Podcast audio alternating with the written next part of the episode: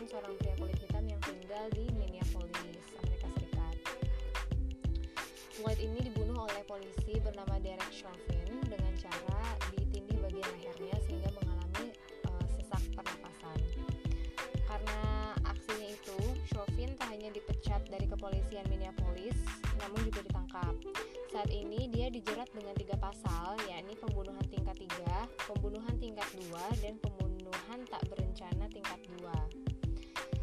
Chauvin, ketiga rekannya itu ada Thomas Lane, Tau Tau dan juga J. Alexander dijerat bersekongkol yang berujung pada pembunuhan Floyd. Um, nah ini berikut ada kronologinya. Ini ada sebuah transkrip dari pegawai toko Cup Foods mengungkapkan bahwa Floyd itu diduga membeli barang dengan uang palsu sebesar 20 dolar Amerika Serikat atau sekitar 282.240 rupiah. Nah si pekerja ini nih dia nggak mau disebutin namanya um, disebutkan bahwa dia sempat meminta korban uh, sempat meminta si Floyd ini untuk mengembalikan rokoknya. Jadi si Floyd ini beli rokok um, karena menurut si pekerja ini uangnya itu palsu gitu. Tapi si Floydnya nggak mau ketika diminta rokoknya itu balik. Dia menolak dan saat itu si Floyd dalam keadaan mabuk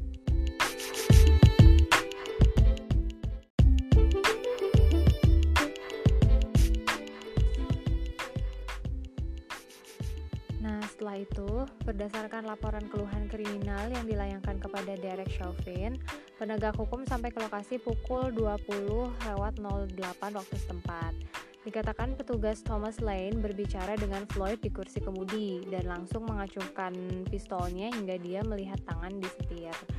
Lalu uh, Lane menarik Floyd keluar dan dalam laporan dia disebutkan menolak untuk diborgol sebelum akhirnya menjadi patuh.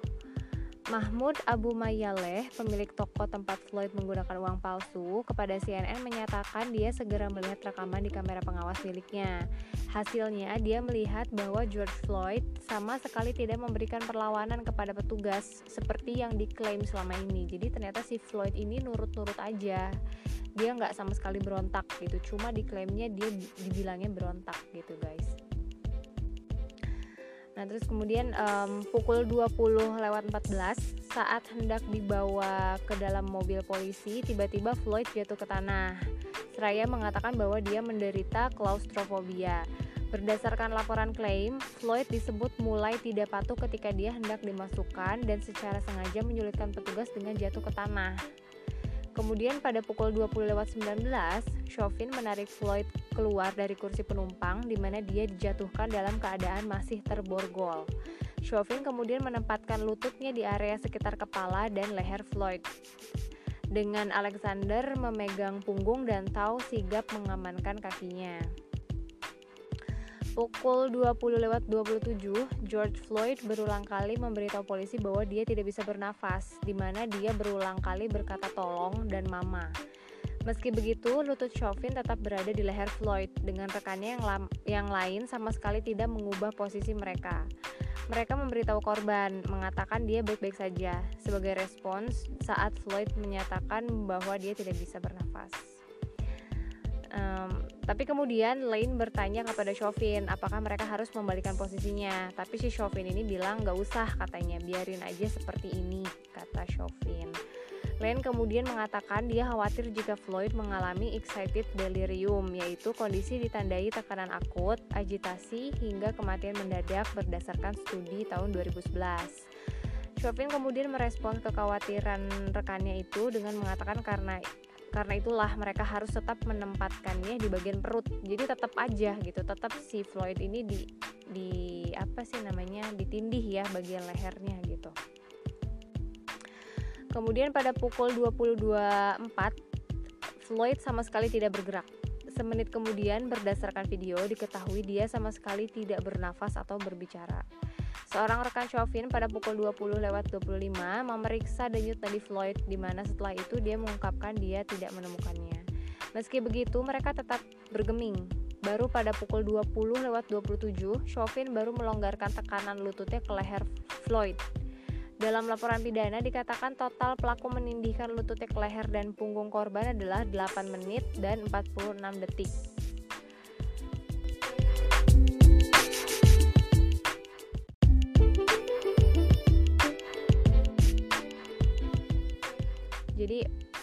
Uh, 2 menit dan 53 detik setelah itu adalah kondisi ketika Floyd tidak merespon.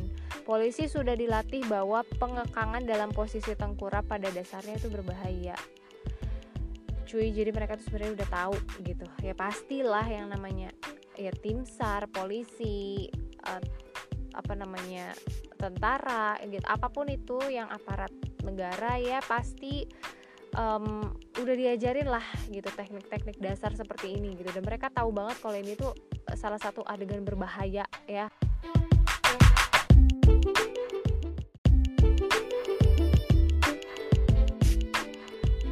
Bahwa ini tuh benar-benar berbahaya, berbahaya gitu kan tindakan yang berbahaya tapi mereka tetap cuek aja gitu. Aduh nggak habis pikir gue uh, lanjut nih ya ini ada laporan otopsi. Dua laporan otopsi dirilis um, di hari Senin tanggal 1 Juni ya yang menekankan bahwa kematian George Floyd merupakan pembunuhan. Namun mereka memberi versi berbeda soal penyebab kematiannya dalam laporan independen yang diminta keluarga, terungkap Floyd tewas karena sesak nafas akibat tekanan berkelanjutan di leher dan punggung. Sementara kantor pemeriksa medis Hennepin County menyatakan Floyd tewas karena kardiopulmoner yang disebabkan oleh kompresi leher. Kardiopulmoner tertahan artinya jantung Floyd telah berhenti. Laporan tersebut sama sekali tidak menyebutkan adanya sesak nafas. Laporan dari otoritas juga menyebutkan adanya keberadaan fentanyl, sejenis opioid yang sama dengan morfin dan metamfetamin. Aduh, bahasa ini ya Bu, uh, apa namanya kedokteran ya. uh, jadi ditemukan metamfetamin ini dalam darahnya. Tidak disebutkan berapa banyak metamfetamin yang sudah dikonsumsi mendiang. Uh, adapun laporan itu menyebut Floyd adalah korban pembunuhan. Kuasa hukum keluarga kepada CNN menerangkan meski ditemukan adanya kandungan obat, kasusnya tetap dikategorikan dia membunuh orang, dia dibunuh orang lain. Ya iyalah. Nah, terus apa nih yang terjadi setelah kematian Floyd ini? Ya, tewasnya George Floyd di tangan Derek Chauvin memunculkan kecaman dan kemarahan yang dikaitkan dengan kebrutalan penegak hukum terhadap kulit hitam. Demonstrasi pun mulai terjadi yang berkembang hingga setidaknya ke 350 kota seantero Amerika Serikat dengan 23 negara bagian harus mengerahkan garda nasional guna meredamnya. Pekerja medis, pendemo, hingga tenaga medis mendapat kekerasan dari kepolisian dengan ada juga penegak hukum yang bergabung bersama pengunjuk rasa. Presiden Donald Trump bereaksi dengan meminta para gubernur untuk mengambil pendekatan lebih keras dalam meredam aksi unjuk rasa. Dia juga mengancam akan memobilisasi militer untuk memukul mundur pendemo yang disikapi dengan kecaman hingga ejekan dari netizen. Jadi nggak ada yang ngegubris dia dong cuy.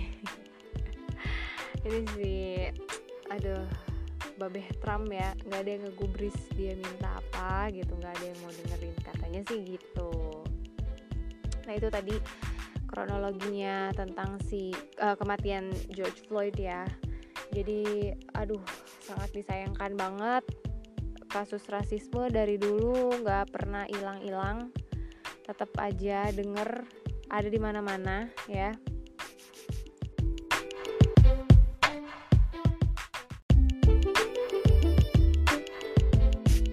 Gak cuma di Amerika aja, di berbagai belahan dunia itu pun banyak ya. Eh, nggak usah jauh-jauh dulu. Di negara kita tercinta di Indonesia juga itu ada rasisme. Itu masih ada masih kental banget ya. Dan yang baru-baru ini lagi trending juga kan tentang rasisme terhadap uh, teman-teman kita di Papua atau orang-orang Papua lah kita sebutnya. Itu rasis cuy. Kitanya orang-orang kitanya ini kebanyakan yang rasis kepada mereka sangat disayangkan sangat di apa ya nggak paham ya dengan orang-orang yang masih suka melakukan tindakan rasis mengeluarkan kata-kata rasis gitu. Sekedar canda mungkin gimana ya gue mau bilang wajarnya juga apa ya karena ya nggak enak sih gitu bercandaan rasis sebenarnya nggak enak gitu ya. Nggak usah jauh-jauh ke yang eh, orang-orang Papua atau orang-orang kulit hitam dan seperti itu ya cuy. Sebenarnya dengan cara kita nyebutin uh, apa namanya kalau dari su suku gitu kan etnis gitu uh, kita sebutin aja itu sebenarnya kan udah rasis nih. Contoh misalnya gue gue kadang kalau lagi apa namanya ya ya kadang kan suka ke bawah-bawah lah aksen Sundanya gitu kan. Ini gue nggak nyebut semuanya sih ya cuma kadang sebagian orang gitu pas misalnya gue ke Jakarta lagi ke rumah kakak gue terus ketemu teman-teman lama aksen Sunda gue masih suka ke bawah-bawah kan gitu. Nah terus kadang mereka yang suka ngeledek gitu kan yang ledekin gimana sih gitu uh, ngikutin cara gue ngomong terus ya gimana gitu. Terus ada aja celetukan kata dasar dasar orang Sunda loh gitu. Itu sebenarnya udah termasuk rasis loh cuy. Yang kata-kata seperti itu udah termasuk rasis. Cuma sekali lagi kita menanggapinya seperti apa ya kan? Kita juga tahu karena memang dia temen gitu kan teman dekat makanya dia berani ngomong kayak gitu gitu kan ya asal jangan diterusin aja sih. Kalau sekali dua kali masih bisa disebut bercandaan gitu. Tapi kalau udah keterusan dan lama-lama meningkat gitu kan ngatainnya itu udah nggak bisa di diemin aja sih coy. Harus ditindak. Nah kayak kasus rasisme di Indonesia ini mau gue bahas juga. Yaitu ada ini ada lima enam ya enam pemuda asal Papua nih. Um, salah satunya ada Dano Dano Anes Tabuni ya. Dano Anes Tabuni ini adalah satu dari enam mantan tahanan politik asal Papua yang baru saja bebas tanggal 26 Mei lalu. 26 Mei eh 26 Mei kemarin.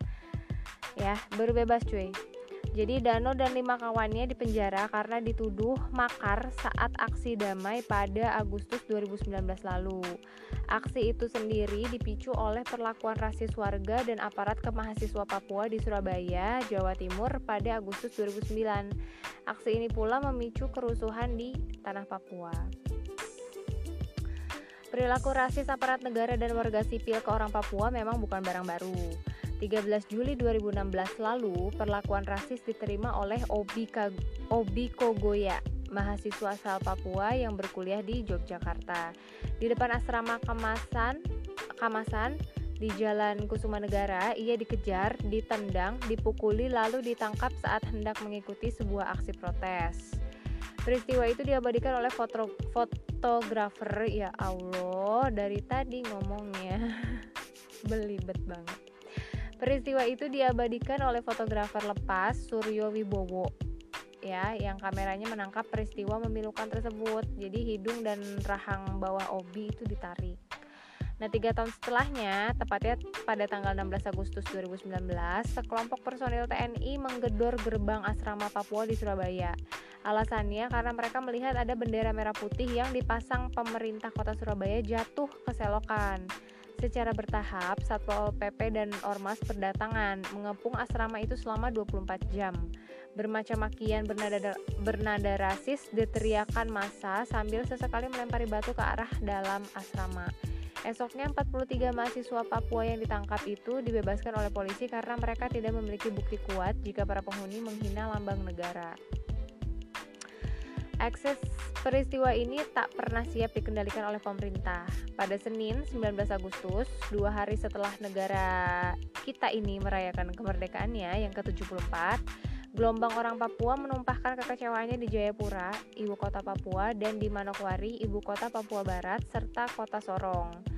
Di Jayapura, lautan manusia berdemo jalan kaki sepanjang 18 km dari Waina, pusat keramaian di kota itu, menuju kantor gubernur, menuntut ras rasialisme terhadap orang Papua harus dihentikan. Nah, Gubernur Papua Lukas NMB saat itu juga secara tegas mengatakan bahwa kami ini bukan bangsa monyet, kami ini manusia, katanya. Di Manokwari, situasinya lebih panas. Gedung parlemen daerah dibakar, pohon di tepi jalan ditebang, ban dibakar, eh, kemudian melumpuhkan aktivitas dan mobilitas warga.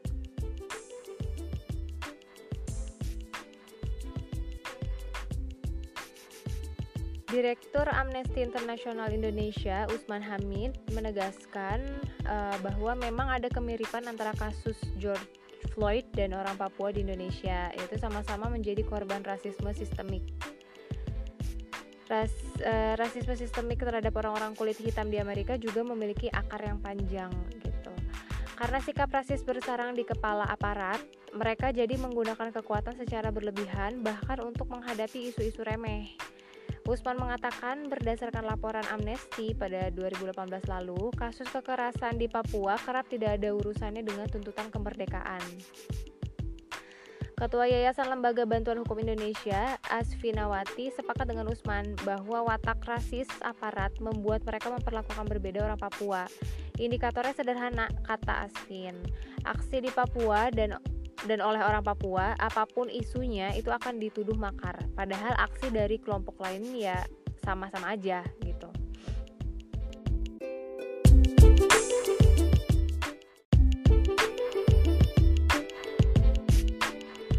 tadi ya kasus rasisme yang ada di Amerika maupun yang ada di Indonesia um, apa ya ya kita wajib saling mengingatkan sih ya gak sih? Um, sama teman-teman semuanya. Ya kita wajib saling mengingatkan lah ya. Um, untuk selalu berbuat kebaikan untuk selalu berucap kebaikan uh, bercanda sih boleh bercanda sih boleh ya. Hmm, ya asal jangan berlebihan sih kalau menurut gue gitu aja. Biar bagaimanapun rasis tetap rasis. gitu agak sensitif sebenarnya untuk mengangkat uh, jokes dalam tema rasis gitu. Kan nggak semua orang bisa nerima gitu ya. Gue gue agak-agak susah sebenarnya ngomongnya gitu. Karena apa ya? Ya seperti yang gue bilang sebelum-sebelumnya gue ini termasuk orang yang prankster. Gue juga kalau ngomong kadang suka ceplos-ceplos kadang juga suka bercanda. Bukan suka lagi doyan malah gitu kan ke teman-teman dan begitu pun sebaliknya. Um, ya ini pelajaran juga buat gue lah pasti gitu ya. Uh, selama ini sih ya mencoba untuk mengingat-ingat lagi gitu apakah gue pernah ya gitu bercanda rasis gitu dan bahkan nyakitin orang-orang sekitar gue atau enggak gitu. Lupa lah pasti ya kan. Cuma kembali diingat-ingat terus ya apa pun itu dijadiin pelajaran lah namanya um, untuk merubah sesuatu yang buruk ke yang baik gitu kan kenapa mesti kita nggak mau gitu. Uh, dari sini juga gue belajar banyak mulai hati-hati dari sekarang kalau untuk um, niatnya bercanda tetap harus dipilih deh gitu kata-katanya apa pun itu gitu kan uh, karena ada orang yang memang nangkapnya beda gitu. Jangankan yang di targetnya yang kita bercandain gitu. Kadang teman-teman lainnya gitu misalnya yang pendengar itu justru dia yang jadi kompor nantinya gitu kan. Yang tadinya kita niatnya bercanda nih terus dia ngomporin. Entah nanti siapa yang panasnya gitu kan. Akhirnya jadi serius. Nah ini yang uh, nantinya akan berujung menjadi isu rasisme lagi gitu kan uh, ya sangat disayangkan lah gitu untuk hal-hal seperti ini. Semoga tidak berlanjut. Semoga cepat berakhir uh, kasus rasisme gini ya. Tadi gue sedih juga sih bacanya ya sampai bilang kita ini bukan bangsa monyet gitu. Kita ini manusia. Aduh ya Tuhan. Ya sedih sumpah karena apa ya? Ya duh masa sih sampai dianggap kayak gitu gitu ya keterlaluan banget gitu sampai dibilang eh, monyet dan yang lain sebagainya. Ya pun sama-sama manusia cuy kita satu negara pula saudara lah gitu. Ah ya mudah-mudahan udah nggak ada lagi lah kasus ini. Perkembangannya sampai mana sih gue belum belum baca banget. Um, ya mudah-mudahan ya jangan ada lagi kasus rasis seperti ini gitu ya apalagi yang sampai Floyd gitu kan sampai harus ada kematian mudah-mudahan enggak ya. Ya begitulah. Oke okay, uh, eh, sekian aja pembahasan kali ini tentang kasus rasisme.